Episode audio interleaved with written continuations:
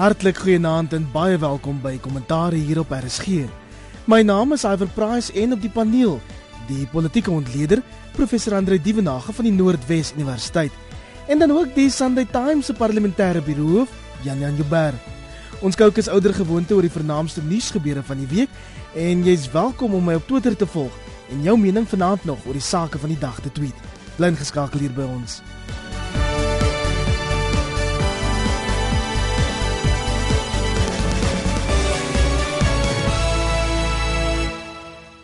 Kollegas, kom ons begin by die herrie rondom grondhervorming en die EFF se jongste pleidooi dat alle grond onteien moet word en daarna kan Suid-Afrikaners wat wil boer om grond aansoek doen en dit gaan amper werk volgens hulle voorstel soortgelyk aan die wyse waarop tans vir maatskaplike toelaas aansoek gedoen word.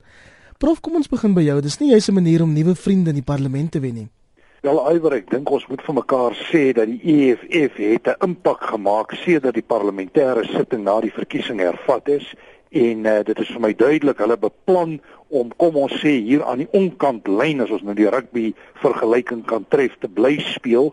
Ek dink dit is op die oomblik nie positief vir die land om daai tipe uitsprake te maak nie. Ons weet die ekonomie is onder baie groot druk. Ons weet van die arbeidsonstabiliteit. So ek dink om nou emosies rondom grond op te bou is nie die regte lyn om te loop nie, maar ons weet binne die agenda van die vryheidsvegters staan die grondkwessie baie sentraal. Dis ook 'n hoë prioriteit binne die ANC in terme van sy beleidsmanifest en ons weet daar dien op die oomblik sterk voorstelle ook vanuit die oord van die regering ten opsigte van grondhervorming so die debat oor grondhervorming en die uitvoering daarvan gaan vir die volgende jaar of wat baie sterk op die agenda wees. Mens kan maar net hoop dat die onderskeie belangegroepe gebalanseerd hierna sal kyk want dit het die potensiaal om werklik konflik te genereer om eintlik vir ons baie groter probleme te skep by die bestaande probleme wat ons reeds het. Janjan die EFF se posisionering ten opsigte van grondhervorming is nie juis nuut nie. Hoe het jy die jongste voorstel ervaar? Ek het met Andilem Kitama, um, hulle woordvoerder oor grond 'n lang gesprek gehad in die week. En jy weet dit is die EFF se verleidelikheid en sy gevaar dat sy oplossing so eenvoudig is. Almal anderster vertel weer die lang stories in verband met wat moet gebeur. Andile en Kitama sê doodgewoon, nee, die grond moet sonder vergoeding afgeneem word en ons bied, dis nou die EFF bied ons stemme in die parlement aan vir die ANC om die 2/3 te kry om um, die grondwet te verander sodat dit kan gebeur die grond hoef nie voor vergoed te word nie want dit is in die eerste plek afgeneem. Ehm um, so waarom nou vergoed vir iets waarvoor aan nooit vergoeding betaal is nie. Nou ja, voordat lesers hulle dood ag luisteraars hulle doodskrik, ehm um, dit is elke ou se reg om te sê wat hy wil en dis wat hulle sê.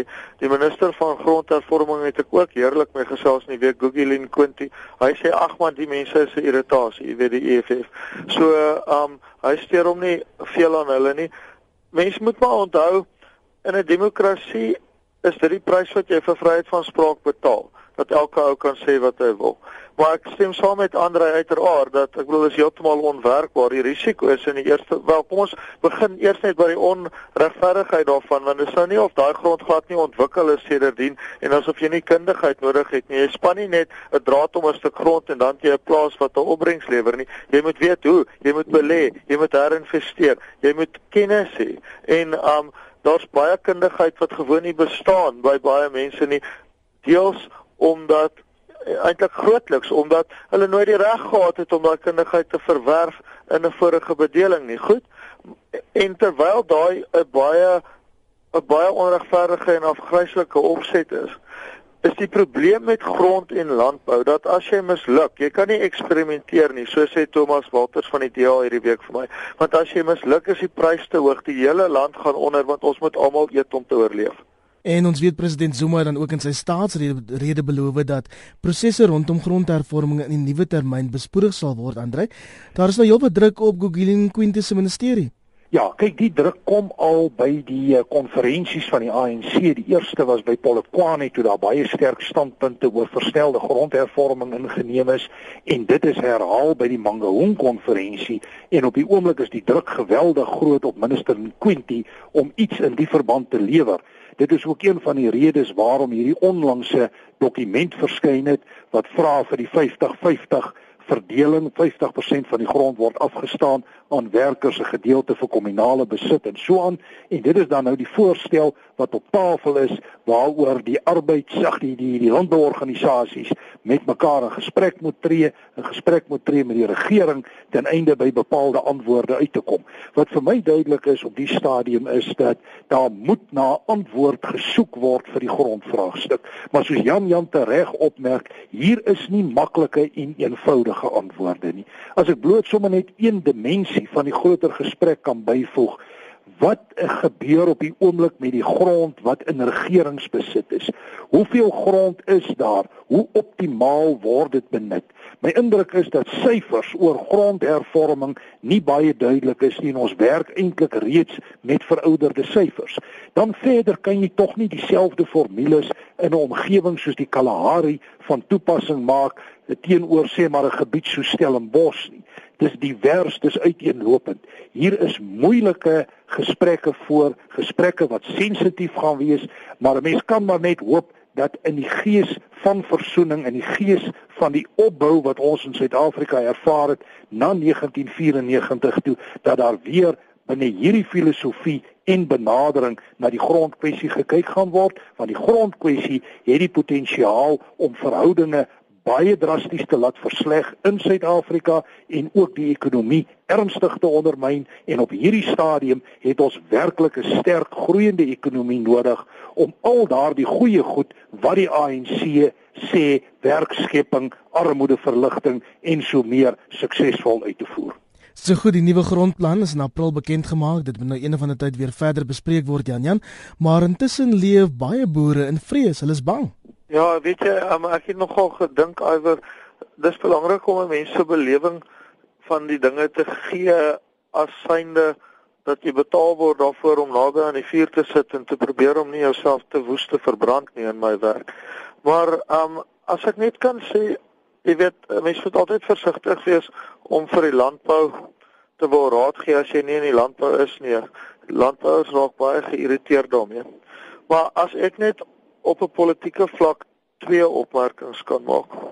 Die eerste is ek dink regtig die ANC probeer verantwoordelik met die ding omgaan en dat ehm um, die EFF juis die die feit dat hulle nie die ANC is nie, dat hulle uit die ANC uit is, vir ons 'n mate van kontras skep tussen wat die ANC is en wat hy kon gewees het. En ehm um, die EFF se gedrag wat die ANC mateloos kwaad maak. Um kan daardie gevolge hê dat die ANC miskien 'n bietjie nader na die middel beweeg en dat juis die randeiers in die ANC wat die mees aktivistiese drywers van grond wegneem grondonteiening was nou uit die ANC uit is 'n bietjie soos wat die KP mense uit die NP uitgegaan het en toe kan die NP vinniger vorentoe beweeg vir hervorming. So kan die ANC dalk vinniger na die middel toe beweeg met die EFF mense buite.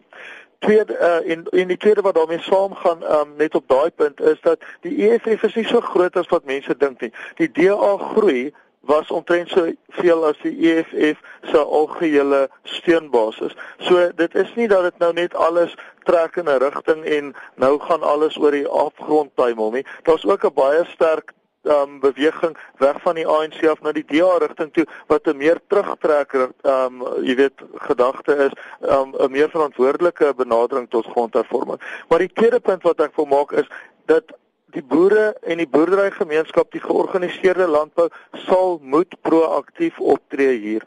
Hulle sal moet die inisiatief neem en self planne op die tafel sit en self met minister Nkwinti in gesprek gaan. Minister Nkwinti is een van die maklikste mense in die kabinet om mee te praat. Hy is nie 'n jeethoof nie. Hy's 'n baie rustige man en dis ook hoekom hulle 'n jaar het tot met April om hierop te reageer. Daar die kans is 'n gulden kans. Die landbouunies en die boere moet sorg dat die landbouunies inderdaad dit nie doen nie. Hulle moenie nou in 'n skulpe terugtrek nie. Hulle moet nou met planne voor in dag kom en hulle moet met meneer Nkwinti praat. Hulle moenie van die dakke afskree nie, maar hulle moet met meneer Nkwinti praat en hulle moet hierdie geleentheid tot gesprekvoering aangryp. Stem jy saam Andre dat die volgende skuif van die landboubedryf behoort? Ek dink die die landboubedryf het definitief 'n verantwoordelikheid en ek dink die landboubedryf moet ongetwyfeld proaktief op die situasie inspel en kyk hoe kan hulle 'n bydrae lewer om hier antwoorde te bring. Maar ek wil net terugkom op 'n punt wat Jan Jan maak wat ek dink 'n baie geldige punt is. Die regering in terme van die ANC speel vir my die laaste tyd veral rondom die arbeidsonrus in die land 'n sterker regerende rol en 'n minder bevrydingsparty rol as ek die twee klemme kan onderskei van mekaar. En ek dink dit is positief en ek dink Jan Jan is reg dat die EFF se rol wat hy speel in die politiek dwing die regering op 'n manier om meer sentrum georiënteerd, meer konservatief te speel, meer dinge te probeer balanseer. En ek dink dit is 'n goeie teken vir die politiek op die stadium en ek dink dit is ook die konteks waarbinne ons na grondhervorming moet kyk. Ons moet net altyd in gedagte hou dat grondhervorming uiteindelik moet nie voedselsekerheid in gevaar stel nie en die hele kwessie van voedselsekerheid behoort baie sentraal te figureer en ek dink die hele kwessie van werkskepping in die landbouomgewing is 'n belangrike strategiese prioriteit binne die nasionale ontwikkelingsplan. Dit kan jy net kry as daar samewerking is tussen die groot rolspelers en ek dink hier moet 'n geleentheid kom om daardie samewerking op 'n hoër vlak te definieer om te kyk hoe daar met antwoorde na vore gekom kan word ten einde komplekse vraagstukke van die landbou op al sy terreine en met al sy dimensies behoorlik aan te spreek en daardeur 'n bydrae te maak tot ontwikkeling, tot die ekonomie, maar ook ten opsigte van sosiale verhoudinge in Suid-Afrika. As ons kan aanbeweeg tot die provinsiale redes wat die week gelewer is, die fokus landwyd was maar op ekonomie, maar in Gauteng het die premier David Makura op die e-tolstelsel gefokus onder andere, sowel as infrastruktuurbelegging. Jan Jan, was daar sentrale temas wat vir jou uitgestaan het? Ja, dit is vir my nogal lekker as iemand wat taamlik federalisties georiënteerd is wat die dat daar sulke groot verskille is, jy weet tussen hoe die provinsies hierdie dinge aanpak. Ek dink um as ek vir 'n oomblik die twee provinsies wat seker maar die hoogste profiel het uh met mekaar kan vergelyk, die Gauteng en die Wes-Kaap.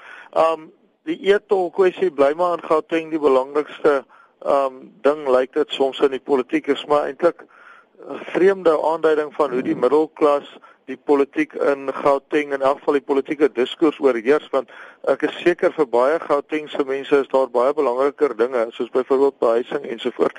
Maar is ook 'n aanduiding van hoe ver die ANC teruggesak het met daai middelklas stem in die afgelope verkiesing En nog 'n aanduiding van daardie uh, ou gesegde niks is waar totdat dit amptelik ontken word nie. Onthou julle direk na die verkiesing hoe die ANC gestuier het en gesê het hulle gaan nie etol heroorweeg nie ensovoorts. Wel, hier gebeur dit nou ewe skielik by monde van die nuwe premier David Makura. Hier by ons in die Wes-Kaap was daar was etol natuurlik glad nie op die tafel nie want hier is nie etol nie. Maar ehm um, daar was twee ander dinge wat interessant is. Ehm um, die eerste is ehm um, dat uh, eerstens net dat dat ehm um, hulle internet toegang in die provinsie ehm um, wat nou mense tog nou ehm um, internet toegang wat wat heeltemal universeel is in die provinsie gaan ehm um, een van die dae lyk like my 'n werklikheid begin word en dan ehm um, tweedens was dit die gewone absolute katgeveg tussen wie mors wie se staatsgeld want die ANC en die DA het mekaar in die wetgewer daarvan beskuldig heen en weer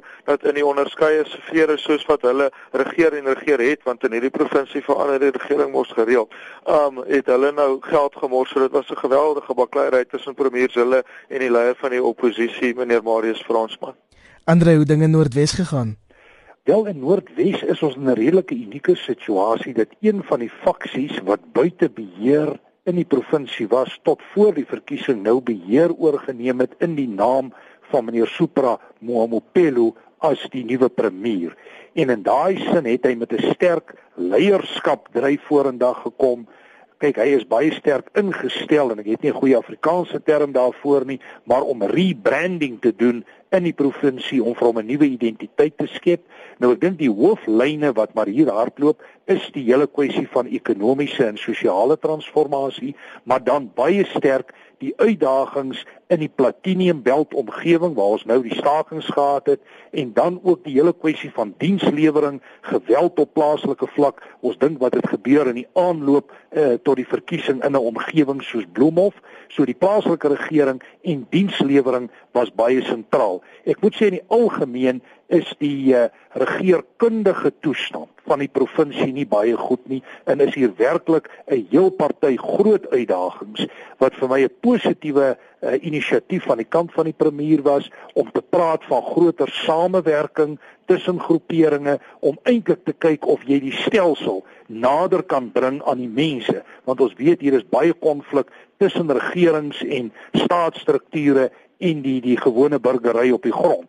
Maar ek dink hier is groot uitdagings in die provinsie en mense hoop dat meneer Mohamopelo hier bepaalde rigting kan gee, 'n stuk rigting wat myns insiens ontbreek het sedert omtrent 1994 en 'n mens kan maar net die hoop uitspreek dat die beloftes wat daar gemaak is positief en sterk uitgevoer gaan word. Ek dink daar gaan staatskapasiteit benodig word en mense hoop maar net dat ons nie nou weer eens in 'n politieke oefening ingaan waar kom ons sê kaders ontplooi word uh, ten einde dienste lewer nie maar dat daar regtig gekyk word na hoe kan ons funksionaliteit in die stelsel bevorder hoe kan ons kapasiteit skep ten einde beter dienste lewer 'n ander provinsiale rede wat heelwat reaksie uitgelok het, is die van Ys Magashule in die Vrystaat en die DA het reguit gesê meneer Magashule is die rede waarom die Vrystaat die hoogste werkloosheidssyfer in die land het.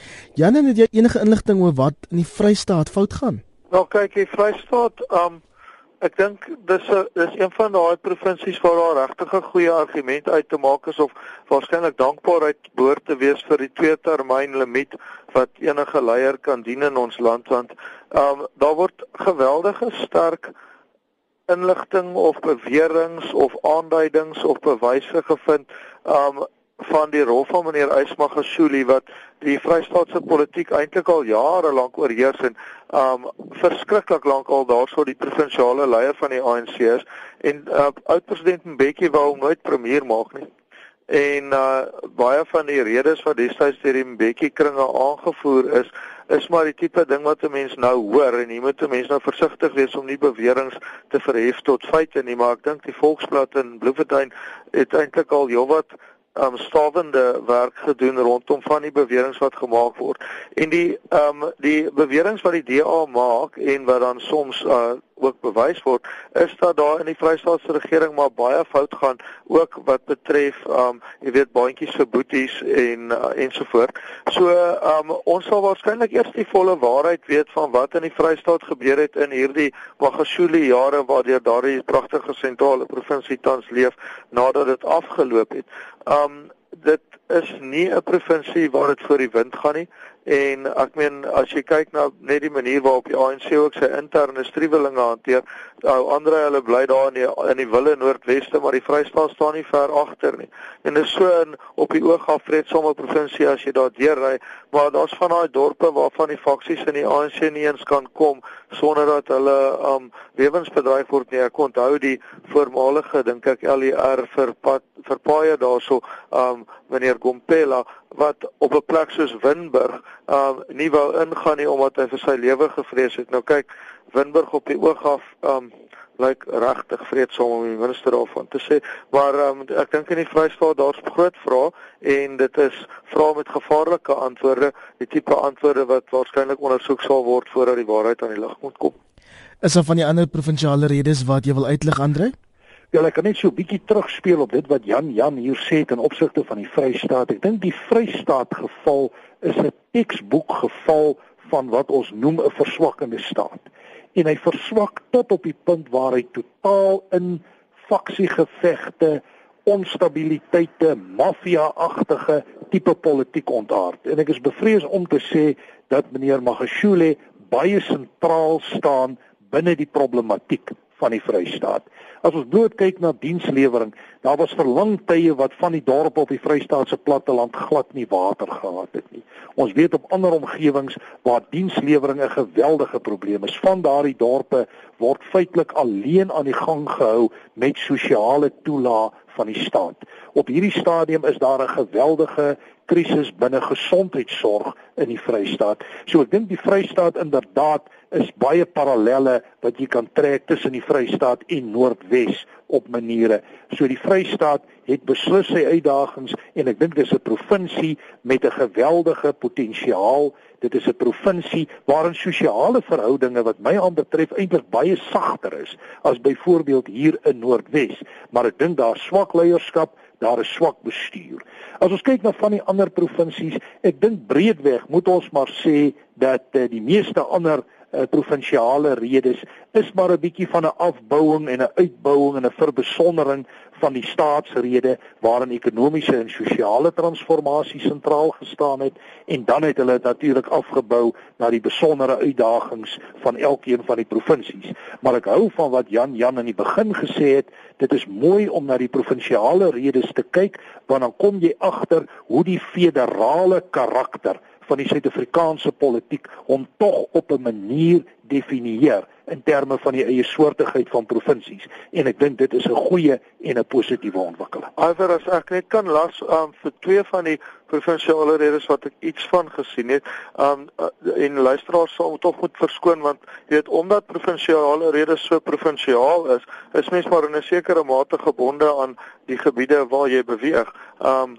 jy weet dis nie groot nuus in byvoorbeeld hier in die Kaap wat in die Natalse of KwaZulu-Natalse um provinsiale rede ge, gesê word nie. Maar ek het twee dinge opgetel. Die een is in Mpumalanga waar uiteindelik premier Mabuza nou besig is om daardie soort van staatsinstellings soos die Mpumalanga Parkeraad ensovoort te begine ontbondel en verander hoogtyd want dit was daar nou vir jou korrupsie neste daai.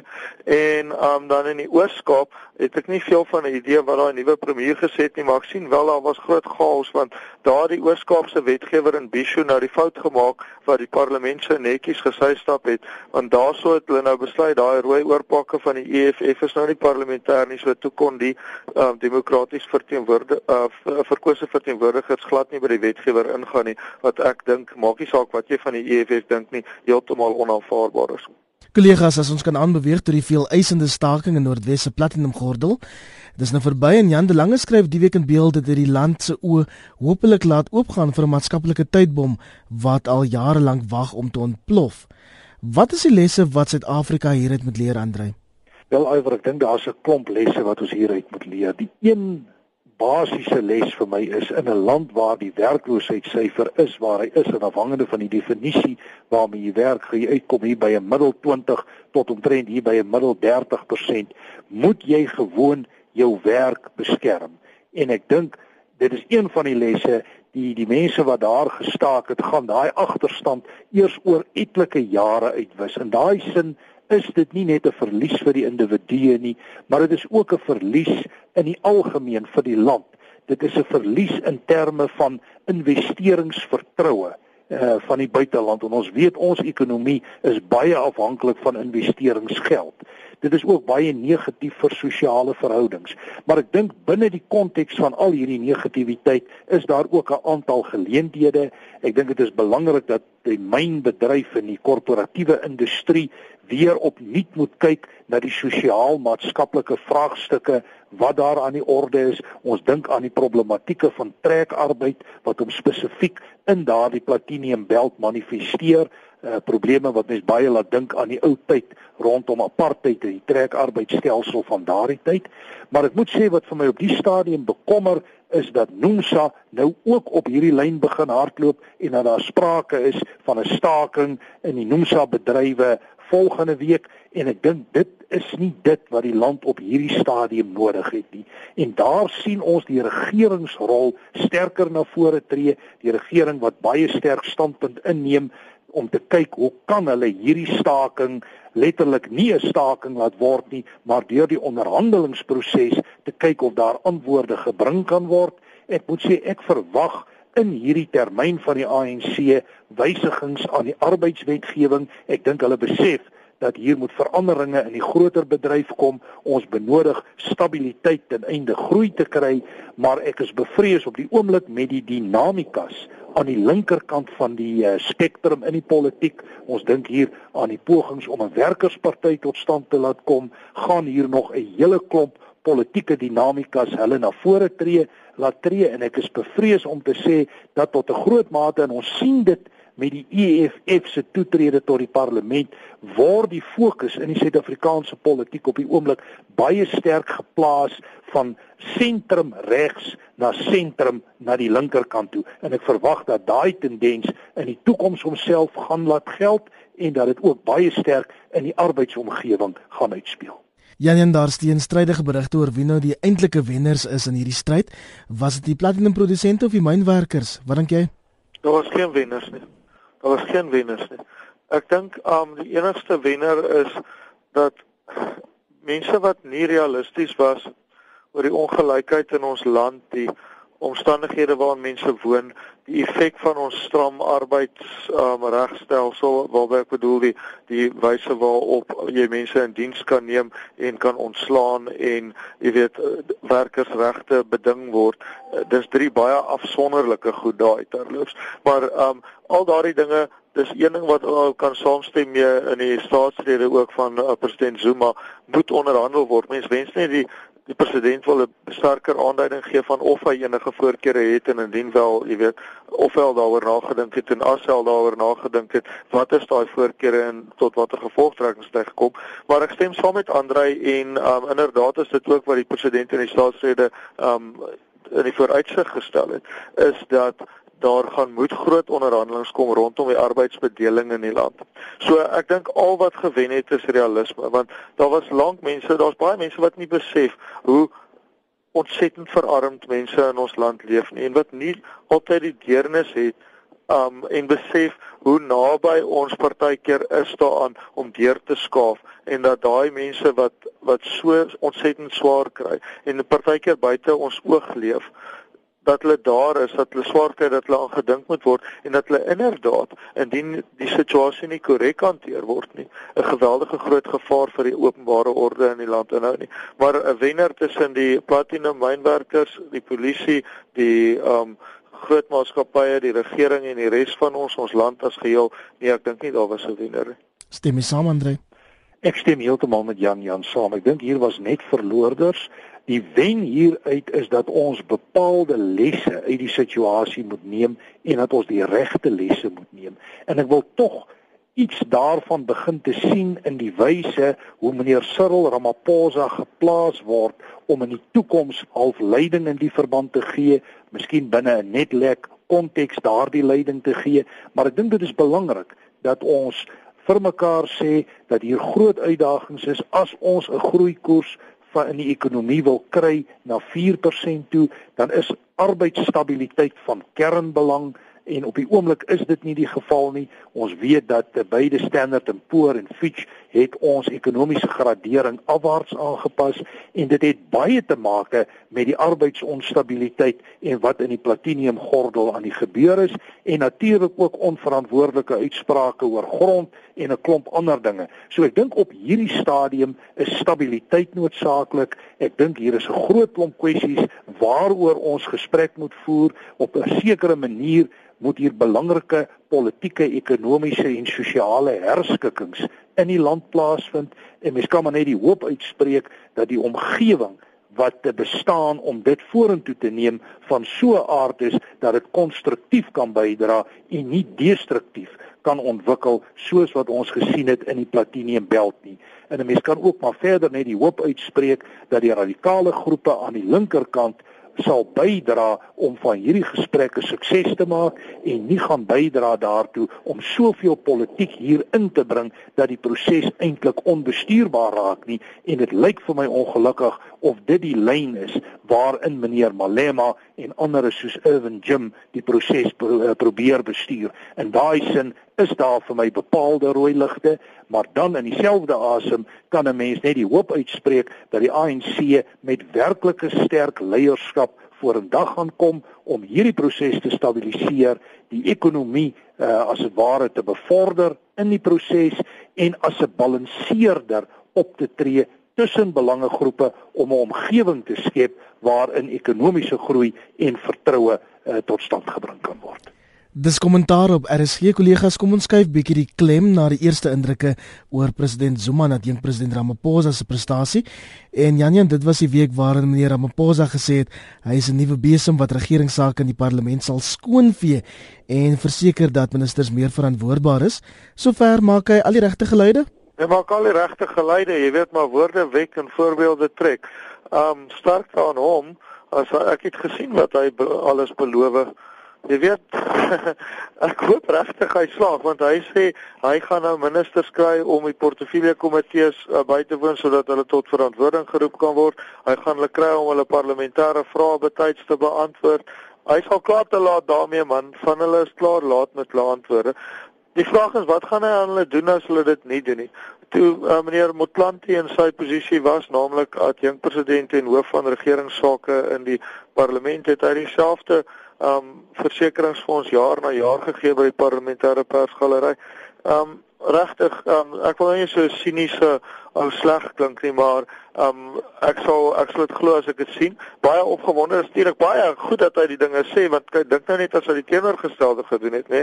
As hy net gesê het wel laat God se water maar oor God se akker loop, dan was dit erger.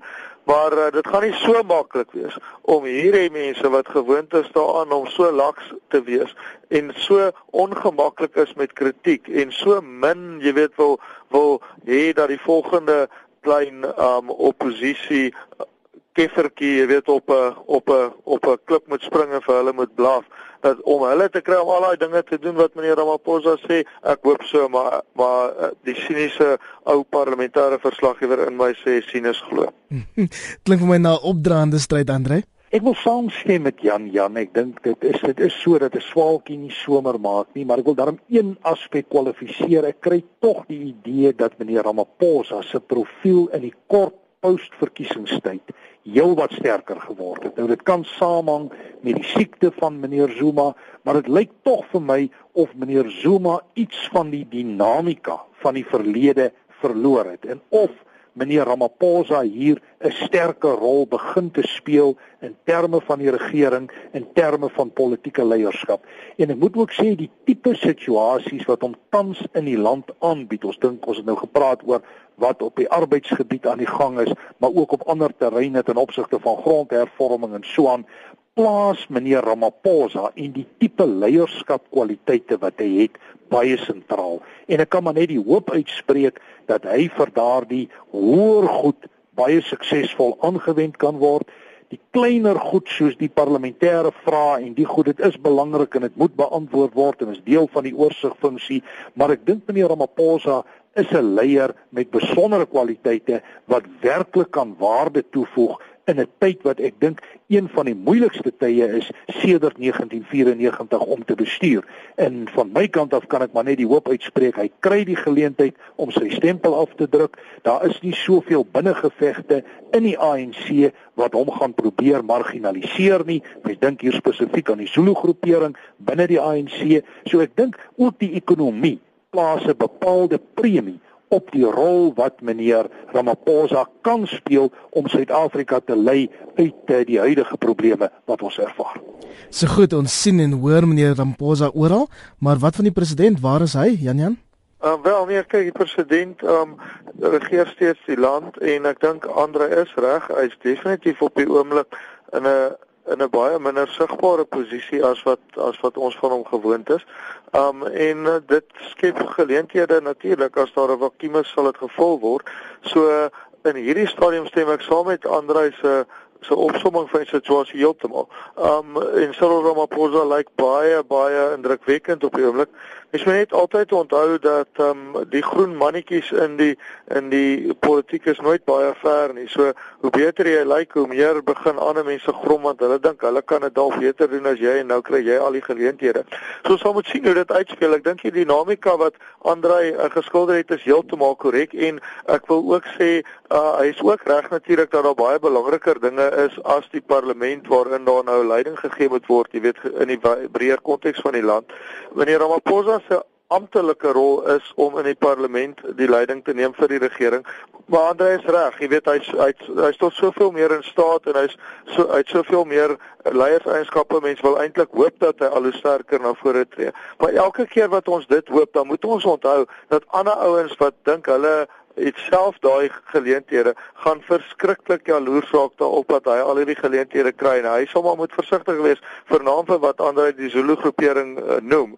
Want kyk as 'n man die bal in die hand het soos meneer Ramaphosa op die oomblik kan kan jy hom ook aanslaan. As ons het begin met 'n rugby metafoor en ek sal hom voortsit. So ek hoop maar en bid maar net vir die land se belang dat meneer Ramaphosa nie te veel die bal aanslaan en te veel strafskoppe afstaan nie En op daardie noot gaan ons moet groet. Dit bring ons aan die einde van kommentaar vanaand hier op RSG. My naam is Iver Price en baie dankie aan professor Andre Dievenage van die Noordwes Universiteit Nancy Andre. Dankie Iver, dankie Jan Jan. En dan die Sunday Times se parlementêre biroof Jan Jan Joubert. Cheers Jan. Baie dankie julle, dit was lekker. Lekker Sondag aand bly ingeskakel vir finansiële fokus.